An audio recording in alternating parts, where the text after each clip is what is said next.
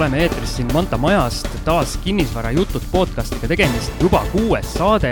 stuudios saatejuhtidena täna Siim Semiskar ja Algis Liblik, tere Algis! tere Siim! ja täna me ei ole taas stuudios mitte üksi, vaid oi-oi, milline mees meil täna siin stuudios on, et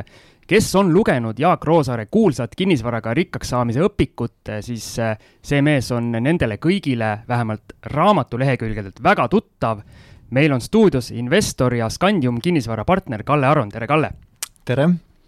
mul on eh, nii hea meel, et Kalle on meil siin stuudios, et ma eelmise episoodi lõpus ütlesin ka, et eh, et meil tuleb mees, kes on viimase kümne aastaga teinud eh, vägevat edulugu kinnisvarasektoris, nii et et, et jah, ma usun, et täna tuleb meil niisugune hea mahlakas äh, mahlakas saade, sellepärast et Kalle on oma loo poolelt juba nii äge, äge inimene, nii et, et ma arvan, et tuleb üks vägev sõit. aga enne, kui me päris algusesse läheme, minul on selline küsimus, mida ma olen kogu aeg tahtnud äh, sult küsida, kui oleks see võimalus. kas sina oled see mees, kes vedas Jaak Roosaare kinnisvarasse? ma arvan, et ma võin selle au vist endale võtta küll, jah et Jaak on ise öelnud, et tal varem ei olnud nagu äh, mõtet, et miks peaks selle kinnisvaraga jahmerdama aga minul see mõte tuli ja minul oli Jaakuga hädasti vaja, sellepärast et äh, minul omal nagu rahalisi võimalusi tol ajal väga ei olnud,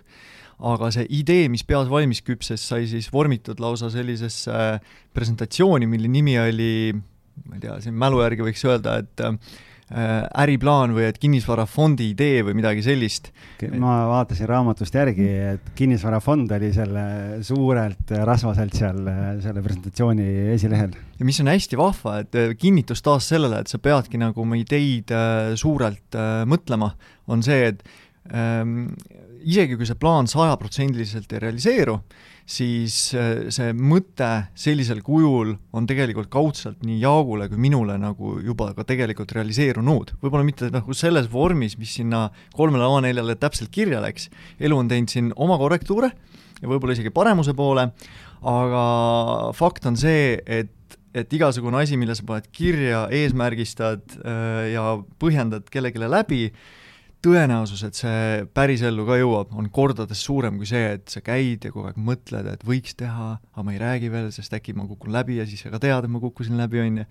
et pigem tulebki need asjad sõnastada, välja öelda ja, ja siis see on esimene samm, et head asjad saaks juhtuma hakata.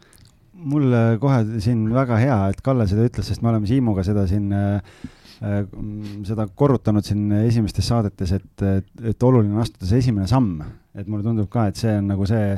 see koht, mis, mis praegu Kalle ka just ütles, et, et saime kord kinnitust, et meie jutt ei ole niisama olnud siin. ja Kalle puhul mitte ei ole ainult esimene samm astutud, vaid sinna on veel kümme, kakskümmend ja mis iganes sammu juurde tulnud ja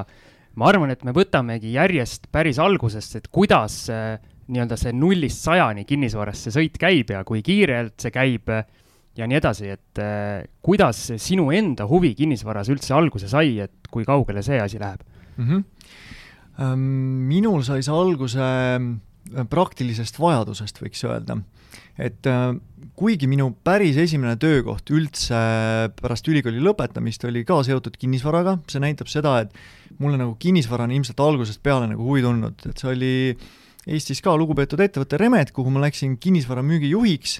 pärast raamatumüügi kogemust mingi ime läbi ma, noh, mind valiti sinna nii-öelda, kuigi mul oli nagu null reaalset kogemust Eesti päris tööturul ja mingi kaks aastat hiljem ma läksin oma soovil sealt ettevõttest ära, kõik oli väga tore, aga ma tundsin, et ma tahan kasvada kiiremini ja ma leidsin, et selleks peab hakkama mingit oma äri tegema. ja mul oli selline illusioon, et kohe, kui ma hakkan oma äri tegema, mul tekib hästi palju vaba aega äh,, tekib raha, aga noh, kõik head kuulajad, kellel on, on ühe mehe või kahe mehe firma pluss ka koer äkki, chief happiness officer sealjuures, nad ilmselt teavad, et kohe, kui sa palgatöölt ära lähed, siis sul ei ole ei puhkuseid, ei puhkuserahasid, sinu tööpäev on täpselt kakskümmend neli seitse. Ja, ja nii ongi. nii et ähm, ma hakkasin tegema köögimööblit mm,, selline kahe mehe firma, ja sain üpris ruttu aru, et jah, see toob leiva lauale, jah, ühe mehe või oma ettevõtte suurim pluss on see, et sind ei saa koondada. Ähm,, need plussid olid mul kõik olemas aga ma nägin, et see ei vii mind, ma ei oska seda nii teha, et see viiks mind kuhugi nagu tohutult haljale otsale. ja halja oksana mina enda jaoks nägingi seda, et mul on rohkem aega äh, ja, ja, ja raha kasvab passiivselt. sest reeglina ärid, mis me teeme, nõuavad väga meie aktiivset osalust. et kõige karmim business maailmas, mida mina oskaks nagu lihtsa näitena tuua, on restorani business või toitlustus üld, üldisemalt, et äh, iga õhtu koristad sa köögi ära ainult selleks, et hommikul tulla ja hakata täpselt otsast peale. ja iga roog peab olema seal perfektselt hea ja noh, täiuslik, sest kohe antakse sulle ka otsene tagasiside. Äh, köökidega oli veel lihtsam, et ma tegin noh, umbes ühe köögi nädalas, ähm, restoranis sa pead tegema mingi viiskümmend perfektset asja võib-olla seal paari tunniga, aga mulle ei meeldinud see, et midagi sellest ei säili, sellest eelmisest per-, suurest pingutusest ja kinnisvara puhul on minu meelest see parim omadus just see, et kui sa nina, kas või veri ninast väljas pingutad seal, et sul on järgmine päev üürnik sisse tulemas, aga sa õhtul püüad seal kõik ära koristada, veel tolmuimeja käid üle, on ja, ja sa tunned, et see on tohutu küll pingutus, aga võib-olla järgmine aasta see toimib täiesti iseseisvalt. ja see võlus mind kinnisvara juures tohutult. Äh, et, et sa teed selle asja ühe korra ära ja see toimib see maksab ennast põhimõtteliselt ise kinni, see vara muutub vaikselt sinu omaks ja miks mitte siis, kui see valu on juba meelest läinud, näiteks kuu aega hiljem või nädal aega hiljem, võtta ette järgmine objekt ja teha seda uuesti. selle asemel, et siis iga päev nagu nii, noh, pungestada seal, kus sa tead, et tegelikult sa hakkad jälle nullist pihta. Et suurepärane, Kalle meil vastas juba järgmise küsimuse ka ära, et miks kinnisvara, see meil oli algisega järgmisena, tahtsime seda küsida, see tuli nüüd ilusti ära aga mäletad sa oma siis seda kinnisvarateekonna algust, et äh, esimene üüri, üürikinnisvara objekt või ostsid sa, flippisid, mis sa tegid alguses mm? -hmm noh, minu jaoks siis võib-olla selline märgiline muutus tuligi läbi ühe mm, raamatu lugemise. raamatud on alati sellised head asjad, et äh, mis võivad äh, heas mõttes sinu sellist geneetilist koodi täiesti ümber programmeerida. et see on nagu, mina näen, et isiksus, see on nagu Rubiku kuubik, seal on erinevad värvid, on kõik niimoodi segamini. ja kui sa suhtled toredate inimestega, siis nad mõjutavad sind kuidagi. hea raamat on täpselt samasugune. sa loed selle läbi, kui see klikib sulle, siis seal Rubiku kuubikus mingid asjad loksuvad paika niimoodi klõkk-klõkk-klõkk ja mina lugesin läbi Ross Whitney kirjutatud raamatu Kuidas kinnisvaraga jõukaks saada, võin eksida siin sõnastusega natuke, aga nii see oli ja vot see oli üks selline ahaa-moment, kui ma ei saanud enam paigal istuda äh,, pidin tõusma püsti, käima edasi-tagasi, siis lihtsalt mõte hakkas tööle, et jesus, et see, miks ma varem pole selle peale tulnud, on ju. ja muidugi mingid asjad seal raamatus olid nagu sellised hästi USA-põhised ja mulle tundus, et, et kas ikka saab seda Eesti turule niimoodi üle kanda kõik see loominguline finantseerimine ja et ostad lihtsalt vaheseinu, vineeri, ehitad ühe maja mingi kümneks üüritoaks, aga mõtlesin, et mõned asjad siit on kindlasti tehtavad ja just seda mõnda asja ma tahtsin hakata tegema ja need olidki siis üürikorterid selleks, et need maksaks ennast ise kinni ja tekitaks passiivse rahavoo selle investori jaoks. ja, ja sealt edasi siis tuli kiiresti samm, et tuleb formuleerida see äriplaan äh, Jaagule äh, või kes iganes on teie rikas sõber nii-öelda, kellelt võiks finantseeringut saada. Ja, ja sealt läks asi käima tegelikult, jah. kuidas selle raamatuni jõudsid, kas sa seda ka mäletad, et muidugi, see on ju, see on huvitav, ma ei mäleta, mis ma tegin üleeile kell neli. Ma peaks nagu siiralt vaeva nägema, et seda meenutada. aga siis ajul on selline võime, et kui mingi hetk sinu elus oli murranguliselt elu muutev, siis ta suudab selle hetke siit tagamälust tuua sulle nagu püsivaks mälestuseks. ja ma mäletan, kui mulle äh, üks sõber kinkis selle raamatu, ta eesmärk oli küll hoopis teistsugune, ta tahtis mind värvata Uusmaale, Uusmaasse tööle. ja Uusmaa ju kunagi andis selle raamatu tegelikult välja. ja ta kirjutas mulle pika pühenduse sinna sisse ja kokkuvõttes noh, see näitab, kui hea kink on raamat eks ole. et äh, see võib muuta kellegi elu. ma ei läinud kunagi Uusmaasse, pole kunagi kaalunud ka seda, aga see raamat tõi mind äh, selle teekonna algusesse, kus, kus äh, tulemusena olen siis täna jõudnud siia Skandinavisse välja. nii et jah, ma mäletan seda hetke ja, ja, ja sealt see kõik kenasti alguse sai. oled sa sellele sõbrale hiljem nagu korduvalt tänu ka avaldanud, et ta su sellise elu muut-, elumuutuse tõi? Äh, tead, see on selles suhtes hea küsimus, et ma ütlen ausalt, et ei ole, ma ei ole temaga üldse nagu pikka aega suhelnud, aga eile ma mõtlesin selle peale ja täna sina tõidki ilusti välja, et ma arvan, et ma teen selle ära jah, et see, sest see on tänuväärt. Väga äge ja noh, tegelikult kui me mõtleme kümne aasta taguse aja peale, et kui Kalle luges seda raamatut, meil ei olnudki sisuliselt ju tollel ajal nagu kinnisvara mingit lektüüri olemas Eestis, et noh, täna on seesama eh, Jaagu kinnisvaraga rikkaks saamise õpik ja, ja Kinnisvarakool on andnud erinevaid raamatuid välja ja ja jah, Amazonist inglisekeelset materjali tellida, ülilihtne täna, et, et kui palju paremad võimalused on nendel, kes täna alustada tahavad, et äh, vaata, kui palju üks raamat sind mõjutas, kui keegi täna võtab viis või kümme raamatut, loeb need läbi, ma kujutan ette, et see muutus saab olla väga suur sada protsenti nõus, et ma olen lugenud mingit ütlust, et inimene ongi kõikide loetud raamatute summa mm. -hmm ja, ja see oli Bodo Schäfer raamatus Tee finantssõltumatusesse, mis ka mind hästi palju mõjutas, aga noh, tema nagu näebki seda niimoodi, et äh, mis, ta esitab küsimuse, et mis te arvate, kas seitsesada loetud raamatut muudab teid või ei muuda? et võib-olla see üks ei muuda, võib-olla seitse ka ei muuda, aga seitsesada Äh, kui te vaatate siis tagasi enne seda lugemist ja pärast, ilmselt ongi täiesti teine isiksus, mis on nagu lahe, sa saad ise disainida oma seda Rubiku kuubikut nii keerata sinna suunda, kuhu sa tahad ja nende ähm, spetsialistidena nagu mõtted kondenseeruvad siis nagu sinu tegevusse kohe.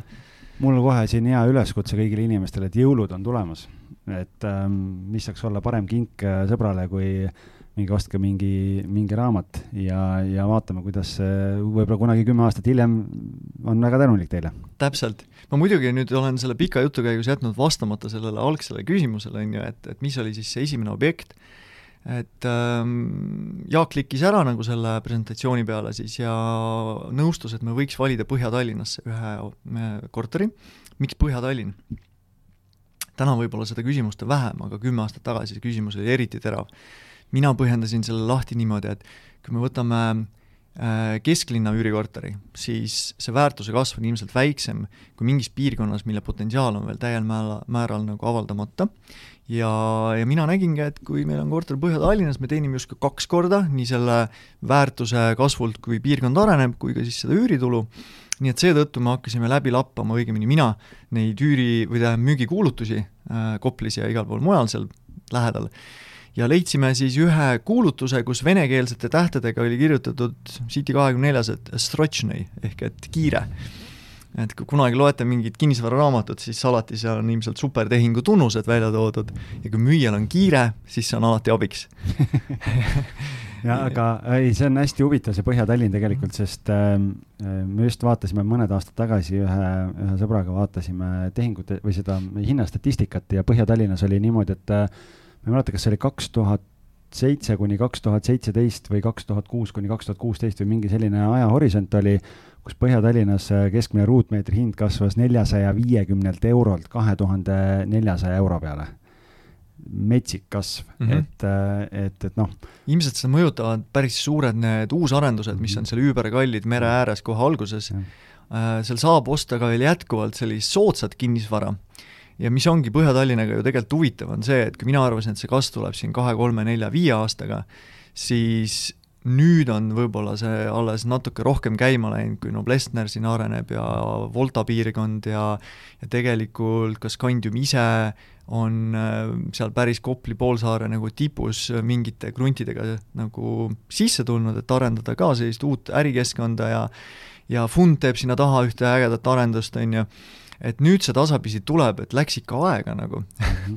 aga noh, eks see on, ma ei mäleta, kes seda ütles, aga, aga aga et Kopli on uus kalamaja, et järgmised kümme aastat on ja. nüüd see koht, kuhu tasub oma raha panna, sest seal tõenäoliselt see väärtuse kasv saab olema päris korralik. jaa, et õnneks äriplaan ka seal realiseerub see korter, mis me ostsime, siis on tegelikult meil alles veel portfellis siiamaani. tegelikult kõik, mõlemad kaks minu kõige elu esimesed kinnisvarainvesteeringut on siiamaani alles ja sihipärases kasutuses ehk üüris. et, et see konkreetne korter oli selline mm, üüberkehvas seisus, mis on alati selline hea ostu aluspunkt, et, et ma olen kasutanud väljendit, et kui sul ikkagi sisse astudes äh, tekib kerge okserefleks või, või sul jäävad naks-naks jäävad äh, kingatallad nagu põranda külge kleepuvad kinni, sest nii must on ja hais on selline, et noh, ajabki ülesse, siis see on väga hästi. et seal luuakse väärtust. et uh, pressure makes diamonds ja, ja see on see koht, kus kinnisvarainvestorid saavad väärtust luua. et meid see nagu ära ei, kohkuma ei pannud ja tuli sellest üks tore renoveerimisprojekt, Jaak ise müüs see suvi ilmselt veel raamatuid USA-s, andsin talle siis oma kirjadega sellist äh, ähm, noh, nagu äh, tegevjuhtkond andis ülevaadet investorile, mis toimub. Ja, ja, ja sain sealt nõu vastu ka ja tegime korteri korda, andsime üürile ja ta on siiamaani üüril, et ähm, tõsi, vahepeal on olnud tunne ka, et äkki peaks väljuma sellistest paneelmajades olevatest vanematest objektidest ja keskenduma uutele samas oma hinnalt on tootlus nagu super, see läheb ajas alati paremaks, eks ole, aga eks investor peab ka seda alternatiivkulu vaatama, et, et kui täna müüks äh, ja saad selle raha kätte, et kas mingis muus kohas sa saad nagu selle raha panna kas siis paremini kasvama või siis on ta lihtsalt nagu mingil moel, on mujal see toode parem, et ta on nagu kestlikum, jätkusuutlikum. aga täna on jah, kuidagi nii läinud, et äh, võib-olla ka osalt sellest, et energiat läheb uute asjade peale nii palju, et siis selles ei ole sellist igavushetke, kus sa peaks oma portfellis äh, lõputult sellist noh, inventuuri tegema, et mul on selline küsimus, ma värskelt lugesin ka seda Jaagu raamatut ja no need kirjad, teie omavaheline see kirjavahetus on nii tänuväärne materjal, mis seal on ära trükitud, et äh, see on täitsa hullumaja, et aga sa ütlesid, äh, kui sa neid kööke veel tegid, et sinu huvi oli tekitada endale nii-öelda passiivne nii-öelda investeerimisportfell, aga kui sa lähed sellisele objektile, kus sul kingatallad naksuvad ja hakkad oksele, see on äh, väga kaugel passiivsest investeeringust, et kas äh, oligi plaan kohe alguses minna selliseid äh, nii-öelda ikkagi väga raskeid objekte hankima? sest seal kirjavahetuses ka teil ju kogu aeg edasi-tagasi käivad erinevad probleemid, et mm -hmm. kas ei olnud tahtmist võib-olla natuke kergemalt seda asja läbi ajada? no ma olen elus, paljud ütlevad, ma olen vahel naiivne, ehm, mis kindlasti on kohati tõsi aga ma olin selle koha pealt ikkagi realist, et kui sul on raha vähe, siis sul peab olema higikapitali rohkem. ja kui sa oled selline siidikäpp, kes mõtleb, et tahaks äh, nõjatuda oma nahkses äh, tugitoolis äh, nurga office'is niimoodi tahapoole, nautida cappuccinot ja ja käia vahel lõunal ainult kellegi sõbraga ja, ja investeerida miljoneid, siis see on nagu äge mõte aga seda on lihtsalt jube raske nagu teostada. ma olin selle koha pealt realist ja ma otsustasin, et, äh, et, et noh, ma, lihtne on teha tööd, kui sa tead, et see viib sind sinu äh, suurele lõppeesmärgile lähemale. ja raske on teha tööd, kus sa tunned, et sa nühid ja nühid, aga kokkuvõttes äh, kui sa kümme aastat nii nühid, siis sa ei saa tegelikult oma eesmärgi lähemale, see on nüristav, raske töö tegemine, on ju, töö murdmine, võiks lausa öelda aga minu jaoks oli ähm, nagu selline teadmine, et jah, pesengi nii-öelda seda põrandat pärast enne seda üürniku sissetulekut või tulemist või et ma arvan, et kui ma tahaks midagi nagu inimestele ka öelda, on see, et tööd ei tohiks karta. Äh,, kõigile meeldivad inimesed, kes on valmis asju ära tegema ja, ja, ja see on üks viis tegelikult, kuidas tõmmata enda ligi siis ka neid inimesi, kellel on näiteks rohkem raha ja vähem aega ja, ja nii tulevad head tiimid kokku, et Jaagul oli raha, aga tal ei olnud aega, ta pidi USA-s tegema oma asja, mis, mis aitas teda lähemale tema eesmärkidele. nii et see tiim tulebki kokku sellest, et üks toob lauale ühe, teine teise ja ma üldse ei põdenud. et minu nägemus on alati olnud ka see, et ähm, et see töö, mis sa teed, sa pead sealt leidma midagi muud peale selle noh, nagu häda ja viletsuse, mis see võib-olla hetkel sulle annab et kui ma tassisin neljandale korrusele töömehega kipsplaate, sest ta oli üksi selle objekti peal, keegi pidi teda ju aitama, siis mõtlesin, et väga hea treening äh, Tartu maratoniks, mis on ka ju juba kahe kuu pärast, trenni niikuinii pole jälle aega minna. ja, ja veel üks oluline põhimõte, mis mind elus on aidanud, on see, et ähm, ühtegi tööd ei tohikski teha puhtalt raha pärast, see kõlab nüüd üüberimelikult kindlasti, aga kui ma mõtlen tagasi, et isegi kui ma Soomest korjasin tomateid, on ju, kolm suve, siis ähm, äh, nende töödega on selline asi, et see ükskõik palju sulle raha seal makstakse, see raha saab varem või hiljem ikka otsa ja sa pead uut raha hakkama peale koguma, on ju. aga see kogemus, mis sa sealt töö juures saad, seda ei saa sult keegi ära võtta. ja Soomes tomateid korjates äh, ma sain soome keele endale, teadliku arendamise kaudu, panin mingi tomatikastide peale kolm-neli sõna päeva eesmärgiks, õhtuks olid need omandatud, sest mis sa seal ma just tahtsin küsida, et kas sa tomatitega rääkisid või kust see keele, keel nagu tuli, aga oi, seal on äh, selline raadio Elmari laadne Radio Nova ja see, see lõpuks see vestlused ja kõik see noh, see tuleb, on ju, et et mina läksin Soome, mul oli isast kaasa antud selline Kaiki Korrassa oli ainuke, mis ma Lõuna-Eesti poisina oskasin öelda ja selgus, et see oli ka vale, sest tegelikult on Kaiki Kunnas Konnossa et, et soomlased vaatasid mind Kaiki Korrasse, et millest, millest sa räägid, et see korra, see on mingi muu värk hoopis, on ju. no vot, äh, ma ei tea, Algis, kust sina pärit oled, mina Tallinna poisina õppisin soome keele üle TV-d vaadates ära, nii et. mina olen ka maapoiss, aga, aga jah kuidagi sellel ajal, kui mina nii-öelda juba sinna teadlikkusse vanusesse kasvasin, siis enam Soome kanaleid nii palju ei olnud, et siis tulid juba need äh, Eesti kanalid, Tahmanäod ja, ja Rikka, Rikkad nutavad ja mingid, ma ei tea, mis asjad, on ju, et, et mul kahjuks see soome keel jäi õppimata. Tartus oli veel suur eelis see, et meil Soome TV-d ei olnud, aga meil oli Pro7 ja kõik sellised saksa kanalid, et äh, multikad äh,,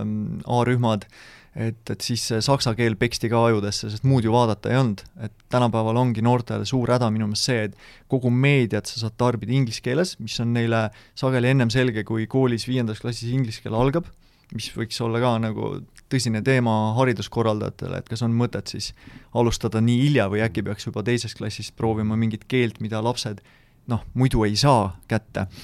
aga jaa, meil oli lihtne, et, et äh, tartlased ikkagi pursivad minu meelest, minu põlvkond suht hästi saksa keelt. et, et tulevad, tulevad iseenesest. aga mul tuli selline küsimus, et ma ikkagi surgiks seda sinu ja Jaagu suhet natukene, et te mõlemad tundute sellised, nii-öelda pigem sellised vaiksed ja mitte liiga emotsionaalsed inimesed, aga kui palju te aja jooksul omavahel olete tülli läinud, kui palju te olete vaielnud mingite asjade pärast või on, või ongi niimoodi, et äh, sa teed nii korraliku selle äriplaani valmis ja Jaak lihtsalt ütleb, et okei okay,, lähme ei, ma arvan, et mu äriplaan kindlasti nii veatu ei olnud, äh, et ähm, pigem see taandub inimese enda mm, natuke olemuse peale. Ja mm, tõsi, võib-olla keegi, kes on alguses äkilisem ja ütleb kellelegi halvasti, äh, töö ja elu käigus nagu lihvib oma nurki natuke maha ja võtab seda juhtimist justkui nagu noh, see on, see on, kõik oskused on elus lõpuks õpitavad, et keegi ei sünni juristiks ega kirurgiks ega väga heaks võib-olla selliseks empaatiliseks suhtlejaks aga meil Jaaguga jah, seda muret pole kunagi olnud, ei mäleta elus ühtegi tüli äh, selles suhtes, et äh,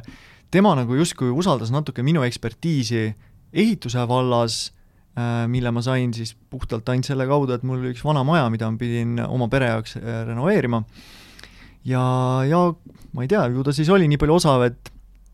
et, et äh, ei, meil jah, mingit tülisid ei ole nagu kunagi olnud, et äh, et äh, ei, ei saaks seda öelda mm,. sa võid siin veel midagi täpsustavat juurde küsida, aga praegu ütleks, et meil on olnud selline harmooniline see äripartnerlus. tõsi, noh, me ju kuuleme, et äripartnerid lähevad tülli ka mingi kümme või viisteist aastat hiljem. et seal mingi hetk nagu tuleb raha mängu ja rahas vist öeldakse seda, et ka sõbrale sa ei tohi anda nii palju laenu, mis kaalub üle selle sõbra hinna, on ju, selle sõpruse hinna sest kuidas meie koostöö nagu reaalselt välja nägi, oli ju see, et äh, me olime viiskümmend protsenti võrdsed osanikud ettevõttes, aga mina panin sisse hiigkapitali, Jaak pani kogu raha ja piltlikult öeldes see viiskümmend protsenti sisse pandud Jaagu rahas muutus minu laenuks, minu võlaks Jaagule või sellele ettevõttele siis, on ju. et äh, Jaak andis nagu minu osaluse mulle laenu, et ma saaks selle panna ettevõttesse sisse. et äh, ju siis äh, ju siis äh, Jaak leidis, et meie sõpruse hind on suurem, kui see esimese korteri sissemakse oli, ähm, millest ma olen talle väga tänulik. jah, huvitav äh, tegelikult, et noh, see usalduse määr peab ju hästi kõrge olema, et, äh, et aga noh, teistmoodi ei saagi, et eks me oleme Siimuga ise ka siin arutanud neid just, just eelmises saates rääkisime ka erinevaid nii-öelda rahastamise kohti, et kus seda raha leida ja noh, üks SSS on see raamatus, on ju, et, et sõbrad, sugulased ja, ja samahimulised, on ju, et et, et nii, eks ta, eks ta ole, et sealt, sealt äh, tuleb. aga, aga kui sa nüüd mõtled nagu tagasi selle peale, et, et mingil hetkel te tegite ühe ühiku kaupa, on ju, ostsite ja nii edasi, et et äh, mingil hetkel läks see nii-öelda ambitsioon läks suuremaks, et äh, kust, kas sa mäletad seda hetke ka või kust see mõte tuli, et, et võiks nüüd nagu midagi suuremat teha, et Stroomi vist oli esimene suurem asi teil või? Ma arvan, et enne seda Stroomit meil või, või vähemalt paralleelselt sellega noh, jõudiski see nägemine ka, et äh, miks me üle linna hoia, hoiame neid kortereid, kui oleks tore võib-olla nad, et oleks ühes kohas, lihtsam hallata ja siis ahaa, loogiline efekt on see, et see võiks olla mingi üürimaja. Ja me hakkasime vaatama Tallinnas äh, rekonstrueerimise vajavaid maju, mis on siis võib-olla kaheksa-kümne korteriga sellised projektid leidsime ka, Koidu tänaval oli üks ähm, äh, puitmaja müügis, see oli siis endine bordell äh,, tundus, et seal oli pidu just pooleli jäänud ja kõik olid nagu välja kolinud, flaierid ja viskipudelid veel vedelesid nagu põrandal, et selline kiire jäite peole hiljaks? jäime peole hiljaks, et reid oli just ära toimunud. ja, ja see oli nagu selles suhtes huvitav äh,, huvitav projekt, et et äh, me leppisime kokku, et me teeme seda, tegime äriplaanid, värgid-särgid, maksime käsiraha sisse ja siis ma käisin seal veel äh,, keldrisse ei pääsenud varem sisse, ühel hetkel sain läbi selle omaniku kontaktiga keldrisse, siis mul oli see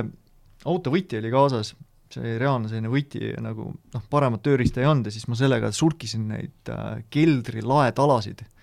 ja need olid nii mädad, kui veel andis olla. Ja siis mul korra tuli selline külm higi, tuli nagu otsa ette. Ja see ei olnud niiskus seal ruumis, see oli minu külm higi. et ma nagu hakkasin nagu põnnama natuke, mõtlesin, et see läheb palju kallimaks. et see oli ilmselt õige äratabamine, sest ka täna, kui suured ehitusettevõtted teevad mingeid kalkulatsioone oma parima äranägemise järgi, siis ehitused kalduvad pigem minema kallimaks ja noh, harvem soodsamaks, kuigi ka seda tuleb ette. ja mõtlesime Jaagu, et mida värki, on ju, et ähm, ja siis hakkasime vaatama, et mida me saaks siis selle raha eest näiteks, et kui me arvestame selle hoone omahind rekonstrueerimishind, kulutatud aeg ja intressi, kapitalikulu, ja näiteks, et see summa on siis kokku seal noh, tollel ajal oli kuskil pool miljonit eurot, et mis selle raha eest saaks valmis asjana osta, mis oleks juba toimiv üürimaja või siis äh, mingi valmis asi, millest saab lihtsasti kujundada üürimaja. ja selline asi oli ka sealt viiesaja meetri kaugusel Suur-Ameerika tänaval müügil. Ja siis oli juba lihtne. miks me võtame kõik need riskid, võib-olla ei saa pangast mingit refinantseeringut või laene, mis meil on vaja kui me võiks osta valmis asja ja kohandada selle lihtsasti üürimajaks. ja, ja siis läkski nii, et ostsime valmis asja ja sellest bordelli käsirahast jäime ka ilma. ja noh, see on ka üks kogemus, et noh, ametlikult ju saaks need äh, paberi salvrätiku nurka kirjutatud broneerimisrahad kõik nagu tagasi kutsuda, sest see ei ole ametlik kinnisvaratehing, on ju, ja selle eest tasutud summad justkui ka ei ole mingid nagu kohustused aga noh, me ei teadnud seda too aeg nii detailselt ja ja see jäi siis koolituseks, on ju, igasugune koht, kus sa kaotad raha, targad inimesed pööravad selle koolituseks, mõned koolitused on sellised sajaeurosed, mõned on kümnetes tuhandetes, on ju. noh ja..., tavaliselt need kallimad õpetavad kõige rohkem. jaa, sellepärast nad ongi kallimad, on ju, et et odav õppetund ei olegi võib-olla nii väärtuslik. aga suures pildis, kui sa ei jää sinna toppama, siis, siis need koolitused kindlasti tasuvad ära aga noh, ütleme see suurem, suurem amps, et, ähm, et, et see mõte sinna liikuda tuli sellepärast lihtsalt siis, et kogemust oli juba piisavalt palju ja mõtlesid, et ühe ühiku kaupa võtab liiga kaua aega või, või, või, või tekkis Jaagul tohutult järsku vaba kapital ja ütles, et Kalle, nüüd on vaja suuremat, suuremat portsu on vaja, et. jaa, ma arvan, et see võiks ka vabalt olla, et äh, inimesed ikka üksteist täiendavad ja kui üks ei julge, siis teine võib-olla julgeb ja, ja kui keegi läheb pea pilvedesse, siis teine saab öelda ka, et kuule Kalle, sa oled naiivne natuke, on ju, et see ei käi nii. nii et see täi-, üksteise täiendamine kindlasti meil väga hästi toimis, aga, aga jah, see tundus nagu loogiline etapp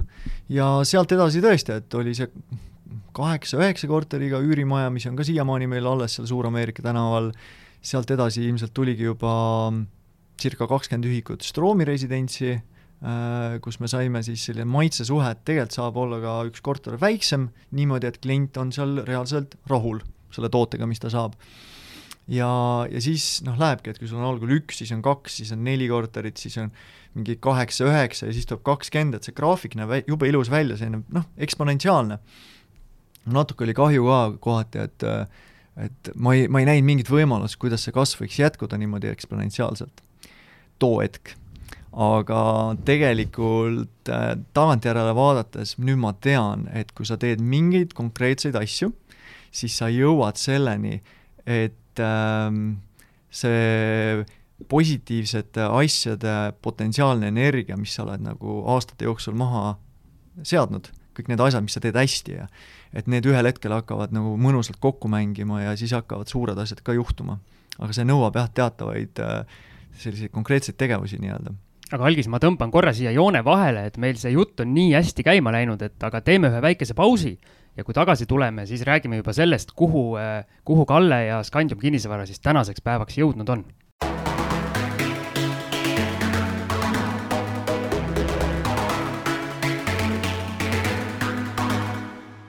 Ja väike vahekõll kuulatud, oleme uuesti Manta majas podcasti stuudios istet võtnud, Siim Semiskar, Algis Liblik saatejuhid ja Kalle Aron külaliseks, et äh, räägi nüüd, Kalle, kus te olete täna Scandium kinnisvaraga jõudnud, kui suur teie tiim on ja mida te teete, et äh,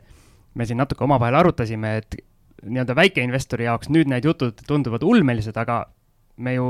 eelnevas saate osas nägime, et äh, mees alustas ikkagi sisuliselt nullist ja nüüd on jõudnud sinna, kuhu sa oled praegu jõudnud? jaa, äh, Scandium kinnisvara, noh, kui me räägime tiimi suurusest, siis meil on umbes täpselt seitseteist inimest, natuke sõltub, kas juhatuse liikmed käivad iga päev kohal või mitte, aga mm, ma ütleks, et see tiim on nagu väga äge.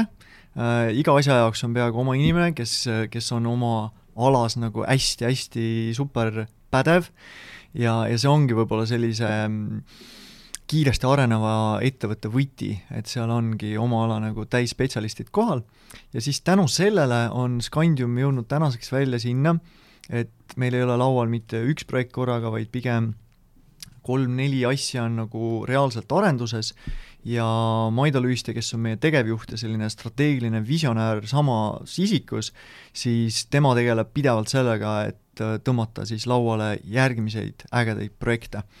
Et ähm, see on nagu ühe arendusettevõtte seisukohalt kindlasti üks megaoluline tegevus, sest äh, kui sul on kaks asja laual, siis sa saad valida, et kumb on kasulikum teha. kui sul on üks asi laual, siis sa võib-olla oled mingi hetk sundseisus, et noh, midagi peaks ju tegema. ja aga võib-olla see ei ole kõige parem asi, kuhu, kuhu nagu oma raha panna see hetk, on ju. ja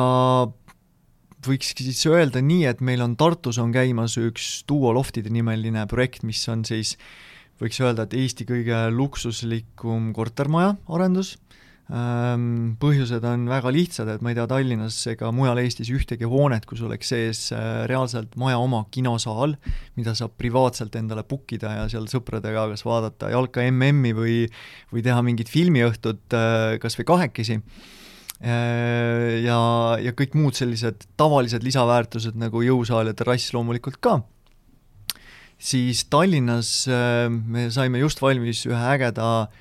nullist ehitatud üürimaja nimega Newton stuudiod, mis on TalTechile suht lähedal Kadaka teel, Leiburi tehashoone taga. Äh, ja seal siis valmis selline mm, üks reaalselt nullist ehitatud co-living'u äh, sugemetega hoone, mis tähendab oma olemuselt seda, et inimestel on see väike selline korterikene niikuinii, aga alla saab ikkagi minna pingsi mängima ja jõusaali ja majas on wifi ja ja korraldame seal erinevaid üritusi, et, seda kogukonnatunnet tekitada, et ma arvan, et see on nagu see, mida et kui konkurents läheb tihedamaks ja sina suudad leida mingeid mooduseid, kuidas oma üürnikule või kliendile rohkem pakkuda, siis see on kindlasti hästi selline kindla peale mineku strateegia, sest ähm, kui su lõpp, lõppeesmärk on kliendi rahulolu saavutamine, siis see on nagu ma ütleks, jätkusuutlik strateegia igas olukorras. et, et Newtoni projekt ja, ja tegelikult Scandium näeb, et äh, puhtalt üürikortereid luues me ei äh, me ei jõua nii paljude klientideni, kui me sooviks, me, me ei suuda kasvada nii kiiresti, kui me tahaksime. seetõttu nüüd viimasel ajal me oleme väga intensiivselt nagu tegelenud ka ärikinnisvara projektidesse sisenemisega ja tänaseks meil ongi laual projekt, kus on seitse pool tuhat ruutmeetrit üüritavat pinda, üks uus kõrghoone on Tallinnasse lisanud, lisandumas ja, ja meie selline suur visioon Scandiumis ongi, et oma tegevusega me tahaks muuta läbi kinnisvara inimeste elu paremaks. ja siis ei olegi vahet, et kas me teeme seda, et inimesed elavad seal kaheksateistkümne ruudulises väikekorteris, et kui see on nagu nutikalt planeeritud, inimesel on seal hea olla, seal on mingid lisaväärtused ja ruumid juures, siis me oleme tema elu ilmselt teinud natuke paremaks kui see, et ta üürib mingit korterit kuskil kuhu muldpõranda peale otse on pandud mingi äh, laminaatparkett, on ju. ja täpselt sama kontseptsiooni me tegelikult saame rakendada ka büroohoonetes, sest veedame ju tegelikult peaaegu et sama palju aega kui kodus, me veedame kuskil kontorites sageli. ja see kontor peaks ka olema äge, inspireeriv, väga hea sisekliimaga ja väikse keskkondliku jalajäljega, et äh, täpselt neid samu Scandiumi põhiväärtusi me tahame tuua äh, Tallinna bürooturule ja heas mõttes raputada seda, sest ähm, otsides praegu ka endale uut büroopinda Scandiumi jaoks, me oleme natuke väikseks jäänud, see praegune koht, siis me näeme, et äh, võib-olla sellist natuke Exceli lodevust on hakanud sisse tulema. Ja, ja oleks ju kihvt, kui me suudame siin ka seda latti natukene püüda upitada. Ma tahtsingi küsida siia kohe, et noh, võttes arvesse nüüd seda, mis viimase poole aastaga on toimunud, siin see koroona äh, nii-öelda koroonaajastu, et ähm, kas selle poole aasta valguses on teil see kuidagi selle ärikinnisvara kontseptsioon nagu muutunud ka või sellepärast, et äh, natukene on ju ootused ja vajadused ja, ja olukord äh, selles sektoris ikkagi nii-öelda ka pea peale pööratud? jah ja ei võib-olla samal ajal, et ähm, kui kuulata, tegelikult täna hommikul, kui ma sõitsin tööle, siis Äripäeva raadios äh, lasti ühte konverentsi lõiku, kus räägiti ka sellest ärikinnisvarast ja kuidas on kontorivajadus muutunud, korra nagu jäigi kõlama, et oot-oot, see on nüüd päris koroona ajal salvestatud äh, saade, et, et siin jälle on natuke muutunud, on ju, et et tundub, et äh, noh, meil on kõik inimesed kontorist tagasi, eks ole. ja äh, ja kui sul on selline töö, et äh, sa peadki panema klapid pähe, et see asi saaks tehtud ja iga katkestus nagu totaalselt segab sind, siis võiks ka täna teha seda minu meelest kodus, kui see võimalus on olemas, või seal kontori nurgakeses, mis on tsoon selliseks justkui zen-töö tegemiseks täiesti segamatult. aga inimene on ju oma olemuselt sotsiaalne loom ja üks koroona ei muuda seda fakti. ja mulle omale teatavasti distants meeldib, et et kui ma lähen koju, siis ma ei mõtle sellele, et kas ma et mul on nagu laps üle, siis mõtlen, et üleval jäi nüüd see email ikkagi pooleli, et, et minu meelest see, väga paljud inimesed on seda stressi kogenud, on ju, et kui sa tead, sa tuled koju ja sul on need koduasjad ja, ja see see fookus on siis hoopis teistsugune, on ju, ja ma arvan, et see on üks põhjus, miks inimesed ikkagi tahavad minna kontorisse ja teha seal oma need tööasjad võimalikult produktiivselt ära, nii et ta ei kao kunagi. Äh, see oli see ei pool, aga jah pool on see, et tõesti, ta on pidevalt muutumises. Et vahepeal olid ju hästi popid sellised mingid äh, noh, kolhoosi või lauda moodi äh, suured ruumid, kus on nagu vii-, viissada inimest on nagu laudade taga sees, kõigil klapid peas, aga me ise näeme, et, et, et hea kontor on ikkagi see, kus on nagu tsoneeritud alad, et sul on selline ühine tšillimisala, kus saabki nagu võtta meeskonna kokku ja midagi rääkida ja teha kohvi sinna kõrvale, ja siis on kohad, kus sa saad eralduda ja teha oma sopistatud helikindlas keskkonnas seda rahulikku tööd, et äh, see kontor on muutumises, me saame seda kindlasti timmida selliseks, et inimesed tahaks tulla kontorisse ka. ja, ja ta päris ära ei kao, et selles suhtes me tunneme ennast nagu üpris turvaliselt, et, et see, see on jätkuvalt üks sektor, mis, mis, mis nõuab head pinda aga kui me tuleme nüüd eh, suurtelt asjadelt tagasi või sa, Algis, tahtsid küsida midagi? ma tahtsin küsida lihtsalt Kalle käest seda, et ähm, selle, seda juttu kuulates ja mõeldes praegu, et ähm, oled sa täna investor või oled sa täna arendaja? ma ei suuda neid kahte kuidagi lahutada et kui ma arendan, siis see põhjus on ikkagi ka natuke selles, et sooviks nagu äh, sooviks, et see reaali-, realiseeruks mingisse tulemisse, on ju, äh, aga jah, ma võiks öelda, et see tulem on minul kõik ka investeeritud siiasamma Scandiumisse, on ju, et, ähm, et pigem nagu mõlemat. Ähm, et ähm, jah, nad ei, ma ei näe neid nagu väga isegi lahus, sest Scandium kasvas ju ka tegelikult välja sellest, et me panime pead kokku ja mõtlesime, et oleks vaja sellist toodet, mis on piisavalt tootlik, nagu siis investorile, lihtne hallata, ja samas, et kust üürnikud ei tahaks nagu esimesel võimalusel nagu padavai ära kolida välja, et oleks ka üürnikule mõnus elada. ja kuna me ei leidnud mõistliku hinnataseme juures sellist toodet turult, siis me otsustasime, et me võiks seda ise nagu koos arendada. alguses endale ja, ja siis, kui sõbrad tahtsid hakata ostma neid, siis selgus, et sellel on ju ka täiesti turg, et miks mitte siis teha seda suuremal skaalal. et nüüd äh, siis tuleme äkki ikkagi mitu-mitu sammu tagasi selle nii-öelda tavainvestori äh, mängumaale. ma siin tegin meie kinnisvarajuttude Facebooki grupis äh, hiljuti ühe küsitluse, et äh, oma sellise nai-, algaja naiivsuses panin, panin küsitluse, et mis on teie nii-öelda lemmikpiirkonnad investorina Tallinnas. ja siis algis pani kohe mu selle küsimuse paika, ütles, et mingit lemmikpiirkonda ei tohiks olla, et tuleb nii-öelda taga ajada tootlust, et vahet pole, mis piirkonnas see on. aga ikkagi, Kalle, et ma sinu käest küsin, et kui te alustasite Jaaguga sealt Põhja-Tallinnast, siis äh, ja nüüd olete jõudnud ikkagi üle Eesti, teete neid asju mis on sinu lemmikpiirkonnad investorina või ajad sina ka ikkagi seda tootlust taga? ma arvan, et selle küsimuse vastuses ongi kaks poolt. jah, ühest küljest äh, nagu seda tootlust ei saa nagu alahinnata, on selge, et Tallinna vanalinna ostes, siis sul peabki olema kõvasti raha ja hea võimalus ongi maksta pool miljonit mingi suure lahmaka vanalinna korteri eest, seda ei saa juurde sinna toota, tal on alati mingi väärtus, aga ta tootlus on jube niru, me räägime võib-olla kolmest protsendist, on ju. ja kui sul nüüd raha vähe ja sa ei rahuldu kolmeprotsendise tootlusega, sest siis sa vaatad oma graafikut, et sa oled juba seitsekümmend üks, kui sa jõuad nagu haljale oksale, kuhu sa tahad jõuda, siis sul on vaja ratast keerutada kiiremini ja siis minu meelest ei ole väga vahet, et kas see on Kopli, Lasnamäe, Mustamäe, Kristiine või vahel Arva ka kesklinn, et ma lihtsalt kasutaks jah, seda võimalust. nüüd see teine pool on see, et eriti lahe on siis, kui sa tunned, et sa saad äh, selle investeeringuga teha ka midagi sellist, mis arendab seda piirkonda kuidagi paremaks, noh, me see eeldab muidugi võib-olla jah, et sa teedki kas siis terve maja korraga, mis alguses on mingi räämas maja kuskil Koplis, aga sa teed selle korda ilusaks, et sa saad nagu kaks korda rõõmu tunda, üks on see, et, et sa tegid, äh, lõid väärtust ja said tootlikku vara oma portfelli, millel on küttesüsteemid kõik vahetatud, on ju, aga teine pool on see, et iga kord, kui sa sealt majast mööda jalutad, sul on selline hea soe tunne, et, et et me saime teha selle piirkonnale midagi anda, et väärtustasime seda piirkonda. et see on nagu kihvt kindlasti et äh, aga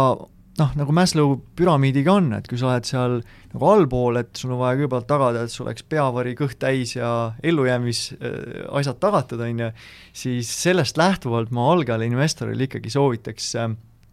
vanalinna räämas maja jätta esialgu nagu hilisemasse faasi ja alustada see sealt piirkonnast, mis on hetkel tootlikum. ja reeglina see on äärelinn.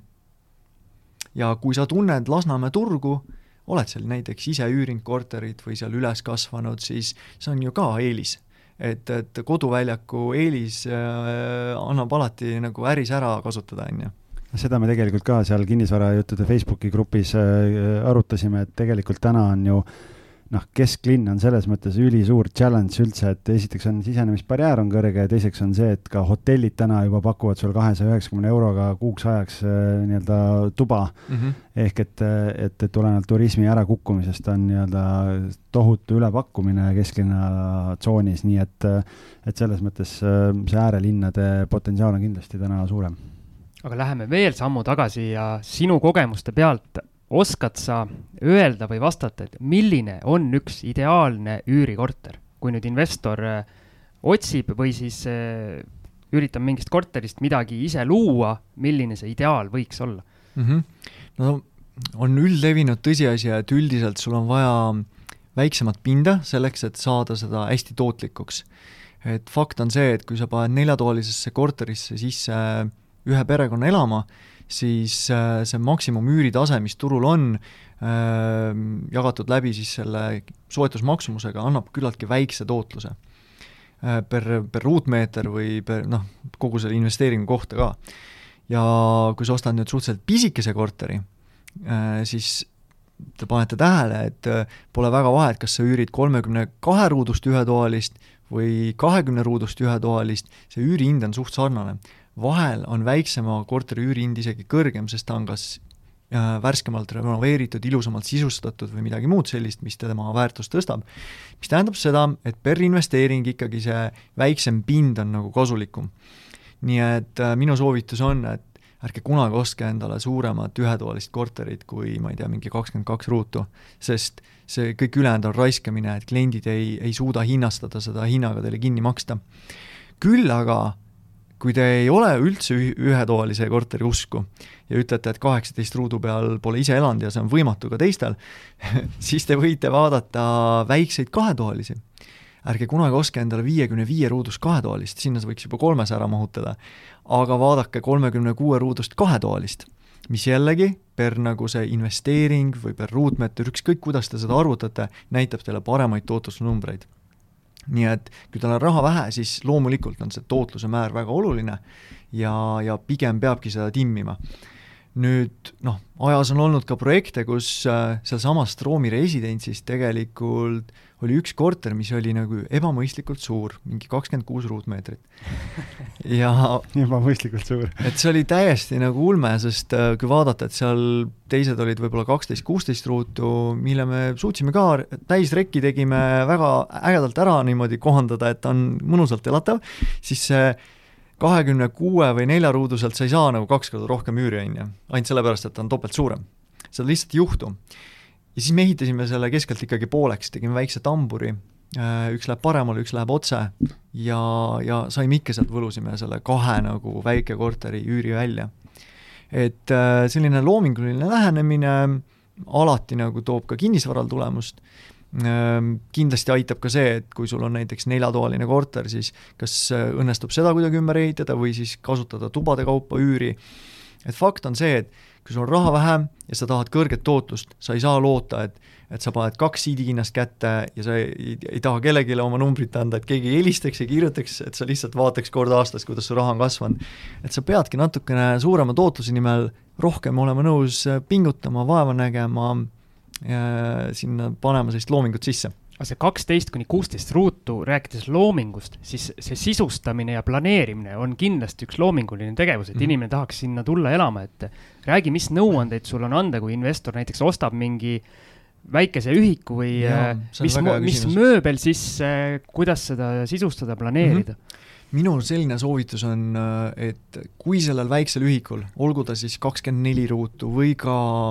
seitseteist ruutu, kui sellel ühikul on kaks väikest akent või lihtsalt kaks akent olemas, proovige alati sellest välja võluda kas väikse pooliku vaheseina, lükanduste või mööbli lahendusega kaks tuba. sest kahe toa väärtus on jälle oluliselt suurem kui ühe toa väärtus, mõned saavad, lepivad ühetoalisega, aga võtame kas või äh, meil on olnud üürnikke, kes on pensionärid äh,, ütlevad, et aga mul lapselaps tuleb vahel külla, et hea oleks ta panna sinna teise tuppa, lükata vaheukse kinni, et ta saab rahulikult lõunaund teha, on ju. selline loogiline eluline soov. või siis on paarikene, kes tahaks, et neil oleks ikkagi see magamistoa osa ja nad ei elaks pidevalt oma voodi otsas, on ju. ja meie näiteks äh, Laki tänaval meil oli siis Laava nimeline arendus kus me tegime väikekorterid, seal oli kuusteist koma kaheksa ruutu, millel oli kahe toa funktsioon. tänu sellele, et seal oli kaks akent ja need läksid nagu soojad saiad, et, et turul noh, ei olnud sellist nagu väikest, aga hea funktsionaalsusega toodet ka too aeg veel võtta. nii et äh, minu soovitus siis üks jah, püüdke jagada seda äh,, kuidagi eraldada seda kahe toa funktsiooni peale mm,, mööbli mõttes ma julgen soovitada seda juba, et et, et päris palju kuulutusi on diivanvooditega, aga päriselus üürnikud ütlevad seda, et ma tulen üürima, vaatan, et väga lahe, teen selle diivani lahti ja järgmine kord pannakse see diivan kokku, kui äh, antakse võtmed maaklerile üle ja kolitakse välja. et ei viitsita seda edasi-tagasi kokku-lahku panna ja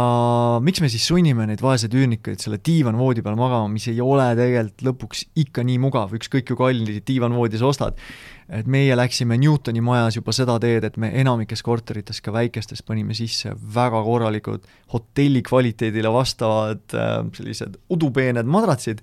mis tagavad sulle ikkagi kvaliteetse väljapuhkamise. ja siis, kui on vähegi ruumi, siis selle kõrvale püüame tsoneerida mingit sellist, kas siis teleka vaatamise nurka või midagi veel, et natuke seda voodit siis võib-olla sellest muust ruumist eraldada, olgu see kas või IKEA vaheriiul, mingite taimede ja, ja väikeste uksekestega, on ju. et see tsoneerimine, et mõtle, tasuks seda nii läbi mõelda, et kuidas ma ise tahaks, et, et see ruum oleks, kui ma siin peaks elama puhas tege... kuld tuli sealt praegu. ja, ja, ja ma tegelikult selles mõttes äh, väga äge, et Kalle selle välja tõi, sest me ise mul on see kogemus olemas ka, me ostsime küll, ta oli küll kolmkümmend ruutu ühetoaline, et noh, ilmselge priiskamine. piiri peal, Algis piiri peal et äh, Jõe tänaval ostsime ja ta oli hästi hea planeeringuga, selline neljakandiline tuba. ja me ostsime selle korteri niimoodi, et seal eelmisel omanikul, äh, viisteist aastat oli ta selle omanik olnud, ei olnud äh, kööki sees olnud üldse. käisid väljas söömas kogu aeg, on ju, täitsa puhas plats oli ja me tegime ka selle niimoodi täpselt, et panime köögi, esimene osa toast oli diivan, telekas oli seina peal ja me panime siiniga kardina panime vahele. et äh, lihtsama lahenduse natukene mm -hmm. ja et ja taga akna pool oli siis voodiga osa, et äh, kui läksid magama, tõmbasid kardina vahele ja tegelikult võis noh, ka Airbnb mõistes tegelikult mahutasid kolmekümne ruudu peale neli inimest äh, magama, et mm, -hmm. et annab väga praktiliselt teha, sõltub kõik sellest korteri põrandaplaanist hästi palju. ja, ja teades neid nüansse saabki vaadata neid kuulutusi selle pilguga, sest äh, järelturg ja korterite müügikuulutused ei saa kunagi maailmast otsa, on lihtsalt teie otsus siis, et kas te juba mõtlete enne ostu selle peale või, või koha peal äh, hakkate mõtlema, et jaa, et tegelikult jah, siia ikkagi nii ei saa teha, on ju. Parem on see ette läbi mõelda, siis on nagu palju parem tulemus tagatud hea soovitus võib-olla siin kõigile alustavatele investoritele, et otsige Scandium kinnisvara erinevad äh, arendused välja Täpselt. ja vaadake põrandaplaane, mida Kalle on sinna mõelnud ja tehke copy-paste. suures pildis äh, nii see käib, et ähm, Copy with pride oli isegi ühe ettevõtte selline letialune moto et milleks, milleks ongi mingit jalgratast vaja iga kord leiutada, kui kõik need asjad on kuskil juba läbi mõeldud. mis ei tähenda tegelikult seda,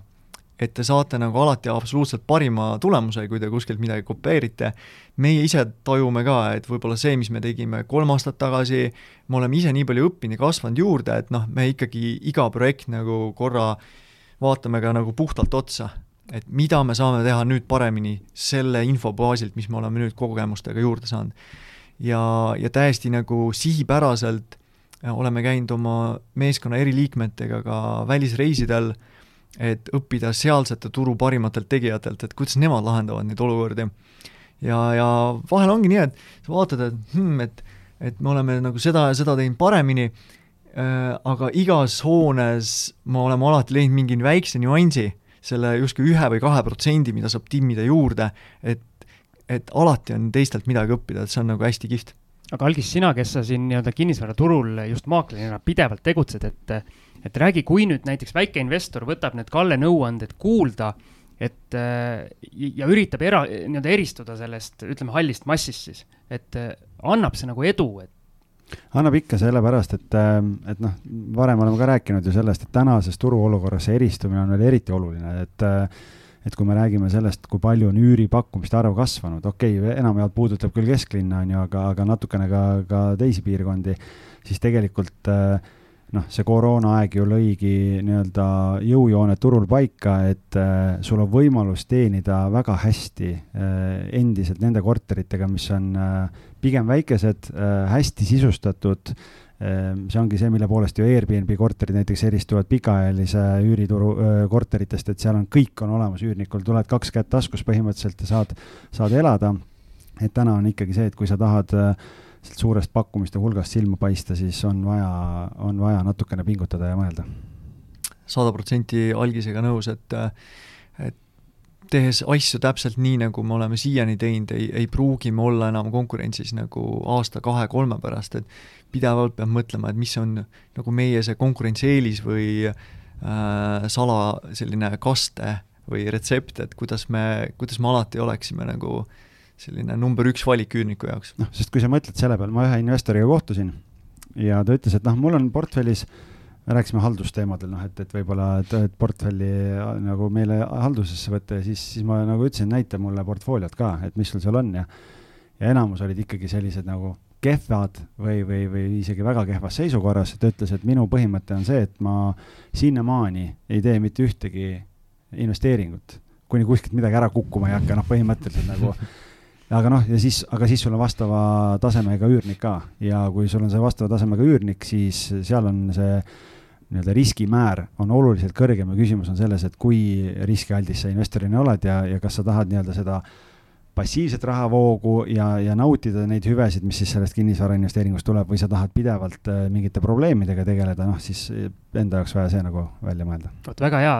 sa viisid nüüd jutu üürniku juurde, ma tahtsin Kalle käest ka küsida, et kas see nii-öelda reegel või ma ei tea, lause kehtib, et äh, nii-öelda kehv objekt tõmbab ligi kehvasid üürnikke um,?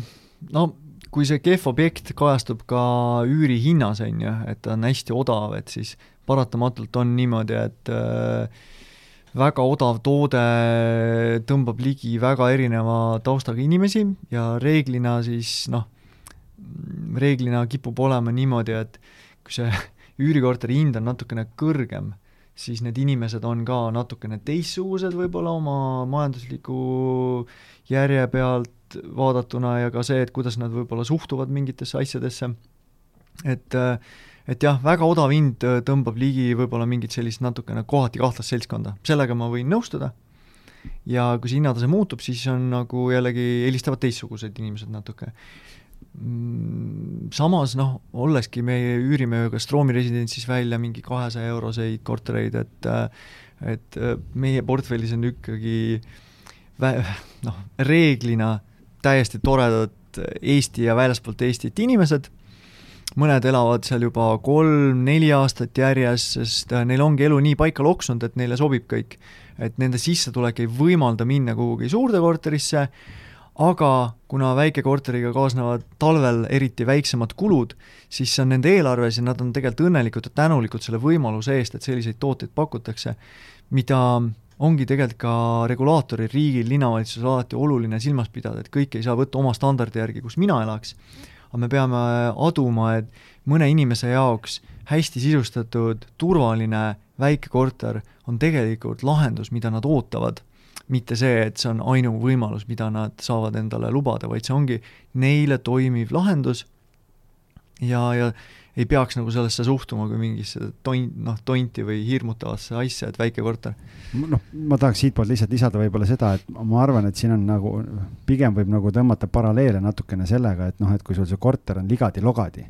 siis selle üürniku suhtumine võib olla ka ligadi-logadi mm, -hmm, sellepärast et õige kui sul on korralik heas kvaliteedis korter, siis ta suhtub sellesse teistmoodi, sellepärast et ta tahab ju elada selles meeldivas korteris, ta on ju valinud selle. et äh, ma arvan, et see on ka sinna natukene alateadlikult kuidagi sisse kirjutatud. jah, et kui äh, omanik ise ei hooli oma varast, et miks siis, kuidas, kust see tunne tuleb üürnikule, et ta peaks sellest hullult nüüd hoidma ja ise seal parandama ja remontima midagi, et tekitab sellise tunde, et, ähm, et see omanik on hoopis talle midagi võlgu, on ju, mitte vastupidi. väga hea, ma tahtsin just sama pointi välja tuua, tundub, et me algisega oleme nii kaua saadet teinud, et me juba nii-öelda alateadvuses mõtleme samu asju.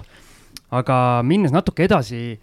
saate alguses me korra rääkisime sinu minevikust seda nii-öelda neid kalleid õppetunde või see üks kallis õppetund, et räägi on sul veel neid kalleid õppetunde olnud, mis siiamaani meeles kuskil taustal kõlavad, et äh, kas siis rahaliselt kallid või lihtsalt kuidagi eh, nii-öelda emotsionaalselt siiamaani meeles? enamik õppetunde ei ole kallid, et me püüame õppida pidevalt ja kõigest, et isegi kui edukas projekt lõpeb ära, siis me täiesti süstemaatiliselt kogume tagasisidet kõikidest projektides osalenutelt, mis oli hästi, mida saaks paremini, sest selle abil on võimalik oma süsteemi nagu veel efektiivsemaks ja paremaks luua, on ju um,. kui midagi siit mahlakat üritada välja tuua, no inimestele ikkagi väga meeldib, kui on suured kaotused ja hävingud, on ju, et Jaak on ja-, jaganud, kuidas ta Tesla aktsiaga hävis ja minu meelest see, selle tõttu meeldib ta paljudele veel rohkem, on ju, et äh, no ühe eestlase toit on ikka teine eestlane ju. muidugi, et see pakub sellist nagu head, ma ei tea, kas äratundmis või no rõõmu igal juhul, et kui kuuleb, et kellelgi on veel raske olnud, on ju. no meie oleme ikkagi mõne projektiga hävinud ka äh,, rohkem ka kui viiskümmend tuhat eurot, et äh, mis tundub nagu päris suur raha. Ähm,, aga see, me ikkagi klassifitseerime seda kui tohutuks koolitusprotsessiks, sest heal koolitusel ei ole mitte ainult üks teema, mis sa sealt saad, heal koolitusel on tavaliselt viis-kuus esinejat, viis-kuus teemat ja sa saad teha paljudes noh, regioonides siis nii-öelda järeldusi, et mida nagu järgmine kord mitte teha, mida järgmine kord peab kindlasti tegema aga võib-olla see läbiv joon on see, et kui sa teedki äh, väga väikseid asju või äh, noh, Scandiumi puhul ma ütleks jah, et me ei saa teha enam selliseid ülinunnusid butiikmaju kuskil aedlinnas, et see oleks nii midagi hingele, aga see masinavärk on kahjuks nii suur, on ju, et, et et siis need terad nagu ekselduvad nii ära, et sinna nagu viljakotti pärast ei, ei pudenegi midagi, et et kliendid on rahul, sest on kõik nii nunnu äh,, Eesti riik saab makse, Eesti ehitajad saavad tööd ja selles suhtes on kõik nagu ju hästi. aga meie jah, ei saa lubada endale enam väga väikeste asjade tegemist, pigem püüame siis avaldada ühiskonnale positiivset mõju juba suuremate projektide ja suuremate piirkondade loomega. hiljuti käisin Äripäeva konverentsil, kus üks väga äge ettekanne oli äh, kui ma õigesti mäletan, Pärtel-Peeter Pere tegi selle ettekande, kes väga kenasti ütles ähm, keskkonna kohta, et võib juhtuda, et piirkond, kus te arendate, linn ise või kohalik omavalitsus ei ole valmis mingeid liigutusi või asju veel tegema, aga teil kui arendajatel on see võimalus äh, näidata, et kuidas võiks asju teha, et milline see rattatee tegelikult võiks olla, sest maailma parimad näitajad Skandinaaviast, nad on kõik tegelikult kättesaadavad ja olemas. Ja kui sa vi-, nagu kas või pusletükkidena niimoodi, et sa oma kolmel väiksel pusletükil viid selle ellu, inimesed käivad aastaid seda vaatamas, et kuidas see seal töötab ja neil tekib innustus võib-olla ja motivatsioon kõrvalkrundil midagi sarnast teha või isegi need kaks asja ühendada üheks tervikuks. Ja niimoodi me loome tegelikult paremat nagu elukeskkonda ja, ja suures pildis see ongi nagu Scandiumi ja meie tiimi, ma loodan, et selline, selline üks ähm, põhiväärtusi, mis paneb meil nagu silma särama, et miks me nagu tahame tulla tööle ja, ja seda kinnisvara arendada aga Siim, vaata kui hea, kuna Scandium enam nii väikselt ei hammusta, onju, noh siis siin on, põld on kündmata, et äh, ole ainult mees ja, ja leia üles ja, ja lammuta. ära jama, see on telepaatia. ma tahtsin sama asja ja ilma naljata. aga ma arvan, et äh, meil on aeg teha üks väike paus veel ja siis veel küsime oma viimased küsimused, mis meil kirja pannud on ja üritame selle kogu jutu kuidagi siis veel kokku tõmmata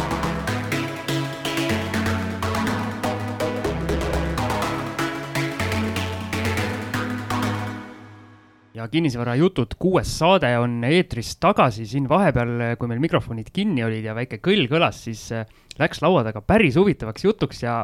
otsustasime, et paneme ikkagi mikrofonid käima ja räägime selle asja kõigile ära. Algis, palun. ja mul oli, mul tekkis äh, nii-öelda kaadri taga tekkis Kallele selline küsimus, et kuna äh, noh, ma ise töötan ühe kliendiga, kes otsib selliseid, ütleme, kaheksa kuni kaheteist ühikuga maja, et, et ütles, et noh, et ma ei, ei viitsi ühekaupa, et too mulle mingi rahavoo objekt või, või mingi maja, kus on vaja renoveerida ja, ja teeme korda ja paneme üürnikud sisse ja mulle nagu sobib. ja, ja siis me ühe objekti leidsime, aga noh, seal oli see sisenemisbarjäär oli circa kaks tuhat eurot äh, ruutmeetri kohta oli ja, ja noh, vaadates seda ajahorisonti, et maja seisukord oli selline, et noh, ütleme miinimum kuus kuud, tõenäoliselt üheksa kuni kaksteist kuud on see, mis äh, vajab selle maja korda tegemine nii seest kui väljast. ja, ja noh, siis oleks juba nii-öelda, kui sa paned noh, kirvega, ma ei tea, tuhat eurot paned sinna renoveerimisse ja on nagu kolm tuhat on juba see, see ostu ja, ja kulupool et noh, et kui seda nagu müüma hakata, siis sealt nagu väga palju neid nii-öelda teri sinna äh, alles ei jää, nagu sa enne ütlesid et võib-olla sa jagad oma kogemust või, või noh, et kui on täna, täna äh, mingi seltskond näiteks, kes tahab ka kamba peale teha, et ei, ei taha üksinda osta või, või midagi ja taha, otsivad mingit üürimaja, et mis see normaalne sisenemisbarjäär on, kui nii-öelda ehitusõigust äh, osta? väga hea küsimus, et siin ongi oluline aru saada, et kui me ostame, vaatame mingit vana täisrekki vajavat hoonet, siis on selline noh, kurioossum, et nii müüja kui ostja reeglina omastavad sellele majale, sellele pinnale suurema väärtuse, kui ta tegelikult väärt on. et muidugi seal on sees see krundi hind, aga reeglina vaadatakse, et oo, et siin on viissada ruutu, on ju, mingisugune tuhat, tuhat kakssada euri ruudu eest maksta, et kõlab nagu ju noh, pool muidu saadud, aga sageli selgub, et selle renoveerimise hind ja uue ruutmeetri rajamise hind on tegelikult võrdsed. vahel on ka kallim äh, rekonstrueerida, sest sa pead vana ümber kogu aeg tead nagu pilpa peal hoidma midagi ja, ja ehitajatele ei meeldi, nad hinnastavad selle kallimalt. nii et siis tegelikult, kui te ostate mingit vana maja, siis võrrelge seda justkui äh, ehitusõiguse hinnaga, kus on nagu krunt ja on öeldud, et noh, detailplaneeringu järgi saab siia viissada ruutmeetrit ehitada ja vaadake, et mis see, mis see siis maksab, et kui krunt maksab näiteks äh, viissada tuhat ja sinna saab viissada ruutandi ehitada, siis see ehitusõiguse hind on justkui tuhat eurot, on ju. ja, ja te saate äh, tuhat juurde pannes kahe tuhande euroga siis uue A-klassi tänapäevase maja. Versus, et te ostate siis tuhat kolmsada või tuhat nelisada euri nagu mingi äh, vana räbala hoone, katus laseb läbi, seinad on ka nagu nad on, ja uskuge mind, remonti tehes selgub, et ka need asjad, mis te arvasite, te saate alles jätta, tegelikult ei saa alles jätta. kas sellepärast, et ei teadnud, et järelevalve juba ei lase seda läbi või noh, et seda lihtsalt ei juhtu, et sealt midagi palju alles jääb, peale selle aura. et vana maja rekk, on ju. nii et äh, Scandium on ka nagu libastunud seal ja nagu mõelda, et noh, et äh, et mis see siis on, aga kokkuvõttes ehitus, ehituse hind võiks olla seal väiksemate pindade juures, sõltuvalt piirkonnast, äkki kolmesaja, neljasaja euro juures, aga noh, selle hinnaga tavaliselt sellist rekonstrueerimist vajavat pinda nagu ei müüda teile, on ju. et, et see on üks põhjus, miks meile meeldib noh, tänapäeval rohkem teha nagu uusi projekte, uusarendusi äh,, siin on erandid tõesti, kui sellel majal on mingi uipu asukoht ja kõvasti punast tellist või mingit asja, mida saab eksponeerida, et ta on kliendi jaoks ka hiljem nagu väärtuslikum. Aga kui te võtate sinna üürniku sisse, siis noh, jällegi, et see turuhind kipub olema suhteliselt sarnane nii sellel uusarendusel kui sellel regitud asjal, nii et üüri jaoks tehes ma ütleks, et pigem otsige äh, seda soodsat sisenemishinda, hästi odavat ruutmeetri hinda, mida hullemas seisus ta on, seda parem, sest reeglina see rekkimise hind niikuinii tuleb sinna otsa panna, on ju. Ja argumenteerida võibki samamoodi sellele müüjale ka, et see ei ole reaalne nagu, et, et ja ma näen, et ma ei usu, et, et need tehingud juhtuks sellise ruudu hinna pealt, et turg, turul ei leidu nii palju inimesi, kes on nõus nagu seda maksma ja kindlasti tasub seal nende argumentidega kaubelda väga hea. aga tulles tagasi võib-olla korra, korra veel selle juurde, et kuna sina alustasid nii-öelda partneriga koos, on ju, Jaaguga koos, hakkasite kahekesi lammutama, et et mis su soovitus selle koha pealt võib-olla on, on ju, et, et me oleme Siimuga ka arutanud, noh, et, et kust neid kontakte leida ja, ja, ja võib-olla kelle, kas teha üksi või kellegagi koos ja et mis sa selle koha pealt oskad soovitada mm? -hmm vaadates tagasi oma kogemusele, siis ma ütleks, et kindlasti tasub teha mitmekesi. Ehm, kümme aastat tegin kööke üksi, et see ei viinud väga kaugele. Ehm, ja põhjus ongi see, et inimesed üksi tehes, nad jäävad vahel kahtlema, kõhklema, ehm, teine saab julgustada ja vastupidi ka, et kui üks läheb pilvedesse, siis saab partner tõmmata natuke allapoole. Scandiumi jaoks oli, Scandium sai nagu reaalselt alguse ikkagi nii, et me Jaaguga vaatasime, et äh, meil oli üks, üks majaprojekt ka, rekonstrueeritav maja, on ju, ja me tundsime, et ei minu kogemusest ega ka Jaagu kogemusest kindlasti ei piisa, et seda arendust nagu edukalt ellu viia. Ja juhuse tahtel me saime kokku Maido Lüistega, kes äh, kutsusin ta ühele koolitusele esinema, mida ma korraldasin, ja sellel koolitusel mul lihtsalt vajus karp lahti, sain aru, et tegelikult pole üldse oluline, mis ta siin täna räägib, oluline on see, et me saaks mingi projekti nüüd koos teha.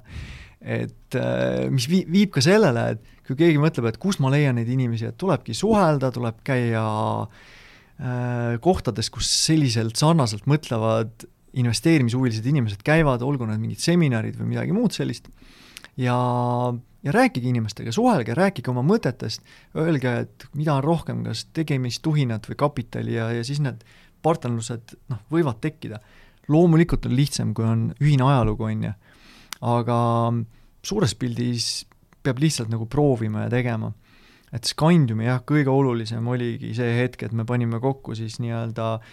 Jaagu, tema finantside kaasamise võimekuse, minu higikapitali tollel ajal ja Maido siis arendus, arendamise kogemuse. ja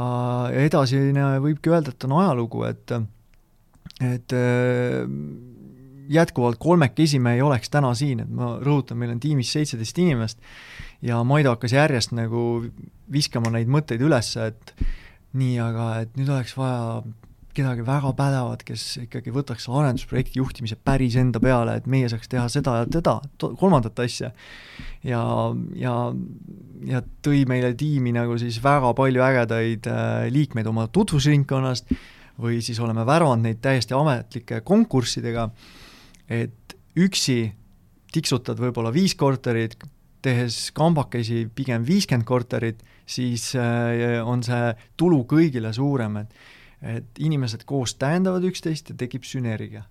et üksi ma ei tea näiteid, kes oleks nagu kokkuvõttes väga suuri asju suutnud teha. kui sa mõtled ennast ajas tagasi, siis ütle, kas sa teeksid midagi muud moodi või teistmoodi konkreetselt, et me oleme rääkinud siin ka nii-öelda ebaõnnestumistest ja sa oled öelnud, et need on nagu õppetunnid. teeksid sa midagi konkreetset või põhimõtteliselt erinevat, äh, alates sellest, kui sa kinnisvarasse sisenesid? Ma arvan, et ei, ma ei oska sellist asja praegu välja tuua. et äh, pigem ma ütleks, et äh, ei ole sellist teemat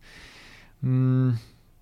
ma võin sellest äh, varasemast perioodist jah öelda, et, et see, et ma tegin võib-olla neid kööke nii kaua ja selle kõrvalt hobi korras kinnisvara, et see nagu takistas nagu noh, nii-öelda kinnisvaraga kiiremini kaugemale jõudmist, aga ma olen siiralt sellesse usku, et kõik need tegevused, mis me täna teeme, ükskõik mis eluvaldkonnas me toimetame, nad loovad selleks eduks ikkagi vundamenti.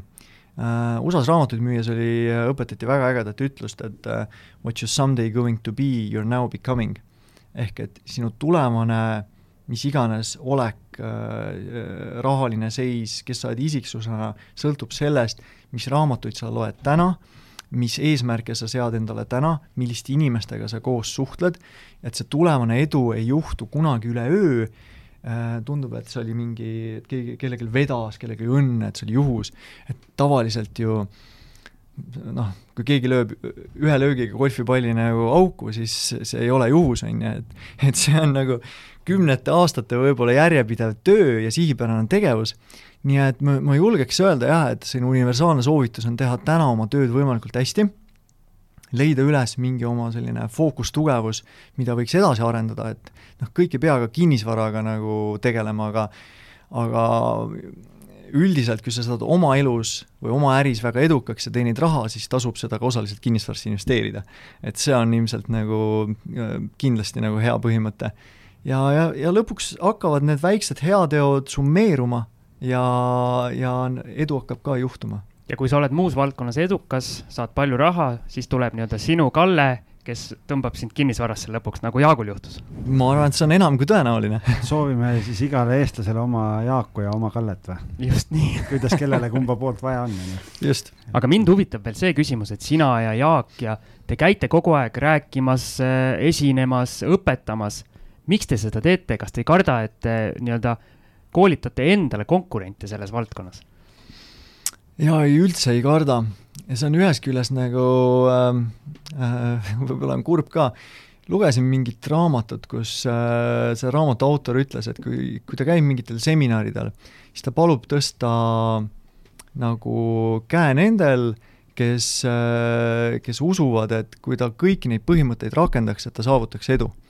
ja siis järgmine küsimus on umbes see, et aga kas te usute, et siit saalist kõik need inimesed seda teevad või ei tee, on ju, ja või noh, mis ma tahan öelda, on see, et et inimes-, inimesed küll koguvad teadmisi, aga väga sageli jätavad need rakendamata. Äh, et ähm, minu meelest on täiesti mõttetu öelda, et ma lugesin selle raamatu läbi ainult selleks, et öelda, et jah, ma olen seda lugenud.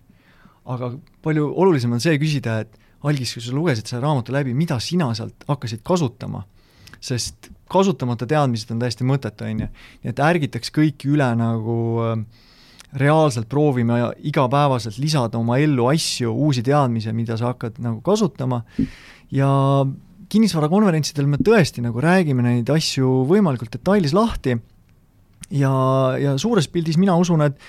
et, et kõigile jätkub turgu, kes tahavad, need teevad, kes ei taha, need võtavad küll seda toredat nagu päeva ja kogemust ja teevad oma põhiasja edasi, aga et ähm, hirmu jah, sellist ei ole, et nüüd, äh, nüüd meie leib kuidagi väheneb, et pigem, pigem tasub jagada oma teadmisi ja sellest võib tulla midagi muud head.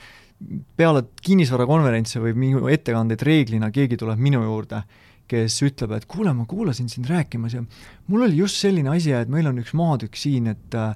noh, tekivad hoopis uued võimalused et pigem on see, et kui sina oled sellise andmisele orienteeritud meelelaadiga, et sa tahad reaalselt inimestele anda mingeid detaile, millest neil võiks kasu olla,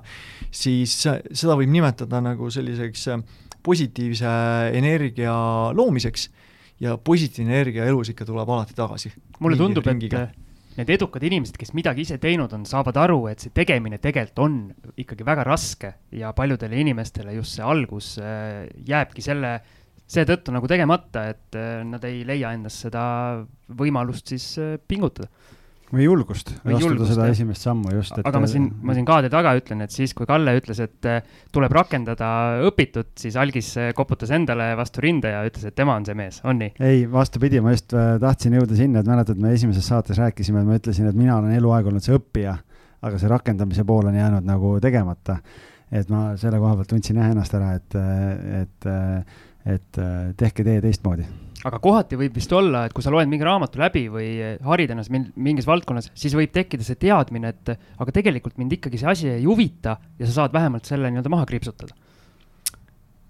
jah, võib ka nii olla. mina ise kogen, et kui ma loen mingit raamatut, siis okei okay,, see on kellelegi soovitatud väga hea raamat, joonin palju alla ja mõni koht on selline, kus ma mõtlen, et ma ei, ma nagu ei usu, et see nii on. aga siis võib juhtuda, et ma küpsen järgi hiljem, et kui aasta hiljem äh, juhtub see raamat kätte ja loed oma allajoonitud kohti ja selle kõrvalt ka mõne alla joonimata koha, siis mõtlen, et ja ei, tegelikult see on ka tähtis, et on küll nii, jah. et vahel lihtsalt sa ei ole võib-olla küps, et kogu seda infot nagu vastu võtma, kaugelt veel seda, et kõike seda kohe rakendada, aga peaks võtma nagu ühe asja, selle ära implementeerima oma enda osaks muutma ja siis sa oled võimeline võtma ka juba järgmist põhimõtet ja järgmist põhimõtet. see on super hea, sest eh, mina kunagi lugesin need Jaagu eh, kõik need kolm raamatut läbi järjest ja mind see kinnisvararaamat nagu absoluutselt ei kõnetanud, mitte üldse.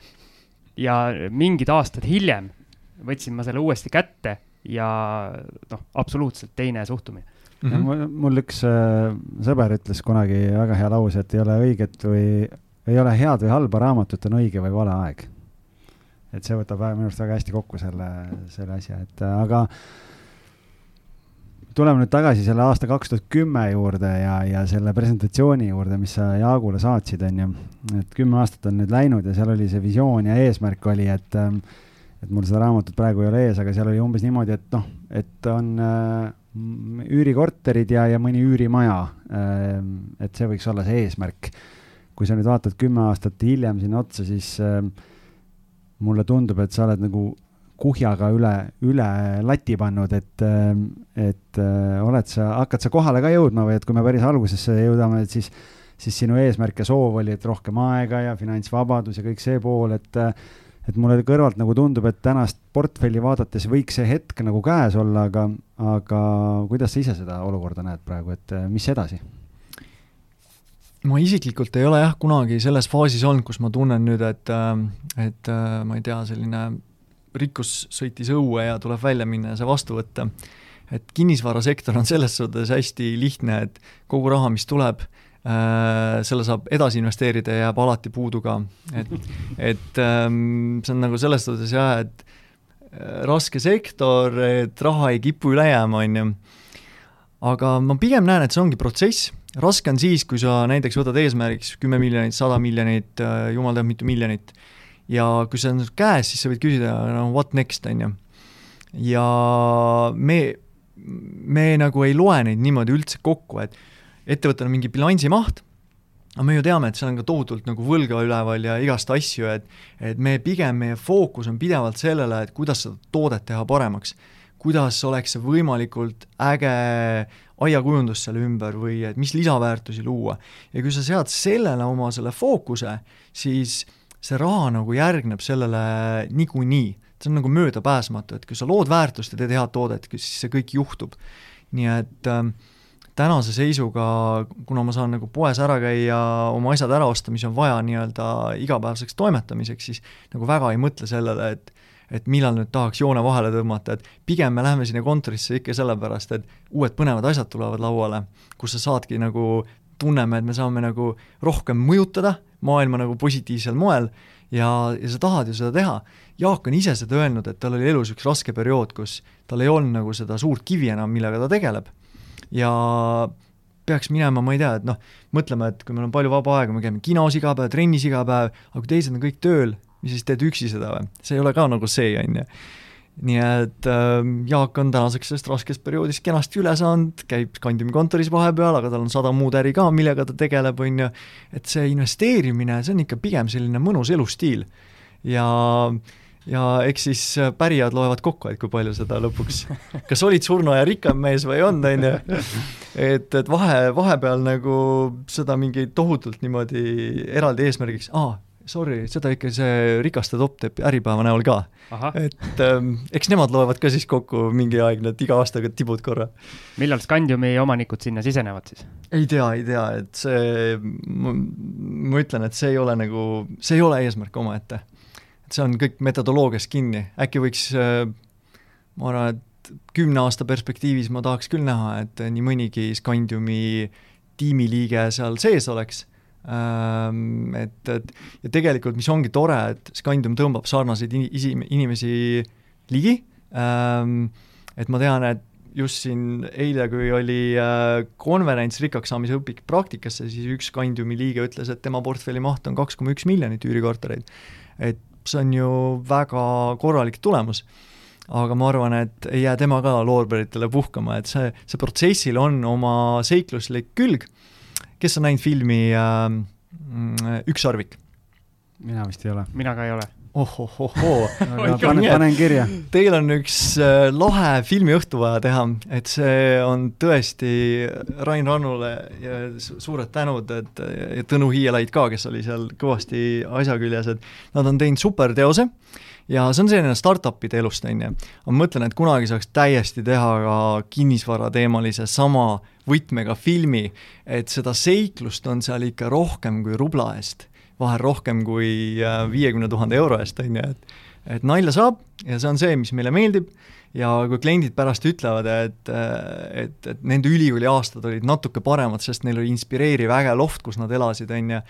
äh, inspireerivad ütlused trepist üles minnes, on ju et siis ma ütleks, et on kõik, on nagu hästi elatud elu. aga saad sa kinnitada nii-öelda väikeinvestoritele, et ma haaran kinni sellest sinu öeldust, et teha paremat keskkonda ja luua inimestele paremaid üüripindu ja kõike seda, et kas väikeinvestor oma ühe, kahe, kolme üürikorteriga saab sedasama põhimõtet rakendada? tegelikult ju saab, sul on ju täiesti valik, et kas sa lähed ähm,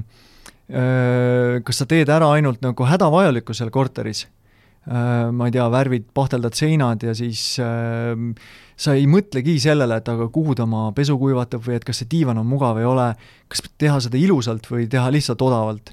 et ja vahel äh, odav ei tähenda koled, vaid lihtsalt, et sa oled mõelnud läbi, surfanud Pinterestis, et et kindlasti sa, sa saadki oma selle mm, korteri, kas või ühe korteri kaupa ju muuta kellegi nagu igapäevaelu nagu hubasemaks, ilusamaks, on ju et, et kas sa soojustad põranda ära või ei soojusta, sellest sõltub, kas tal varbad külmetavad või ei külmeta, on ju, kas ta peab villaseid sokke kandma või mitte. nii et me kõik saame mõjutada. ja ma julgustan, et äh, mina ei usu sellesse ütlusesse, et ükski heategu ei jää karistamata. mina usun sellesse, et iga heategu loob mingisuguse vallandamata energiapotentsiaali, mis tuleb sulle nätaki mõnusalt kunagi tagasi, kui sa seda kõige vähem ootad ja siis võib selle väärtus olla nagu oluliselt, oluliselt suurem kui see hetk, näiteks need viiskümmend eurot, mille peal sa valisid, et kas seda teha või mitte teha, on ju ma ei tea, ma siin ütlen, et mina näiteks objekti otsides äh, mõtlen ennast veidi tulevikku ja, ja selles plaanis, et kui ma peaks selle objekti ostma, et kui ma hakkan seda üürnikule nii-öelda näitama väljaüürimiseks, et mul ei tohi olla häbi, kaugel mhm. sellest, ma pean olema nagu nii-öelda rahul ja uhke pigem. jah, nii-öelda uhkusega näitama, et näed, et sul on võimalik elada sellises kohas mm. -hmm. et äh, ma arvan, et see on nagu hea põhimõte.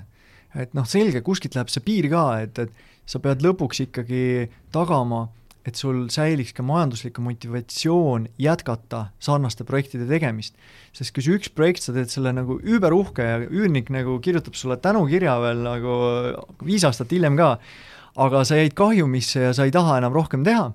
su skeptikud ütlevad, ma ju ütlesin, sa ei peaks oma nina sinna toppima, on ju. kõigil meil on omad skeptikud. et äh, siis, siis see ei ole jätkusuutlik, aga, aga see balanss on seal olemas, et minu meelest ei ole nagu nii vahet, et kas sa teenid seal mingilt projektilt näiteks, äh, ma ei tea, ütleme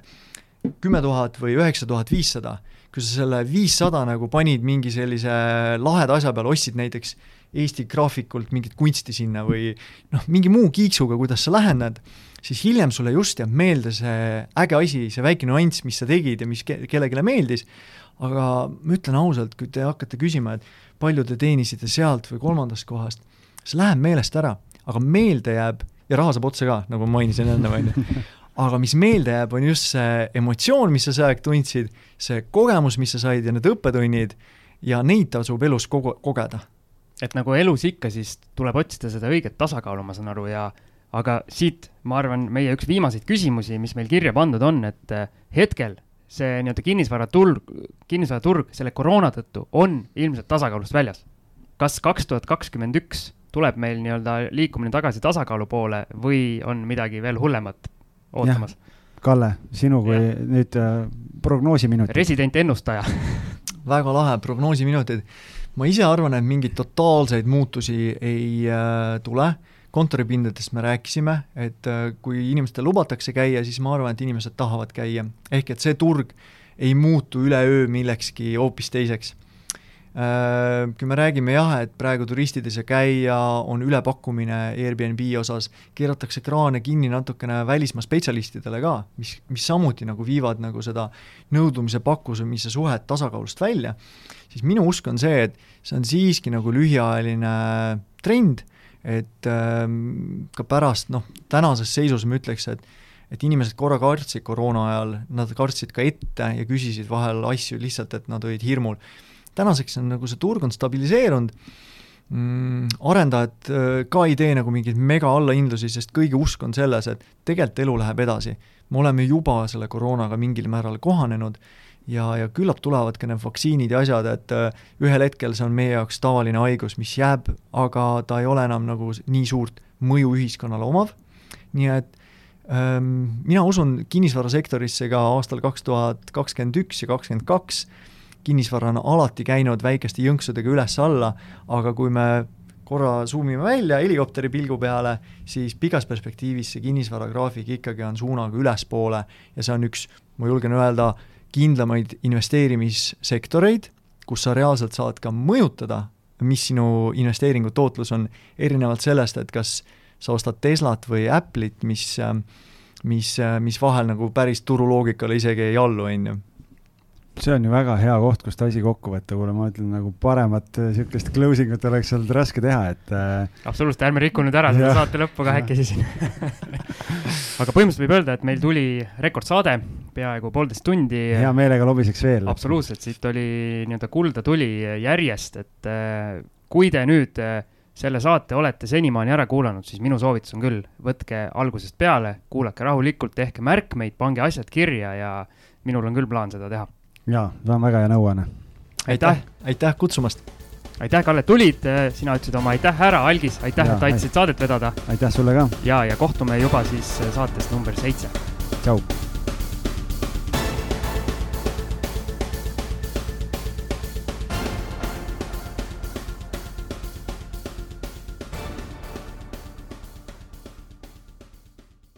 kas nüüd võib öelda, et purgis või? purgis väga äge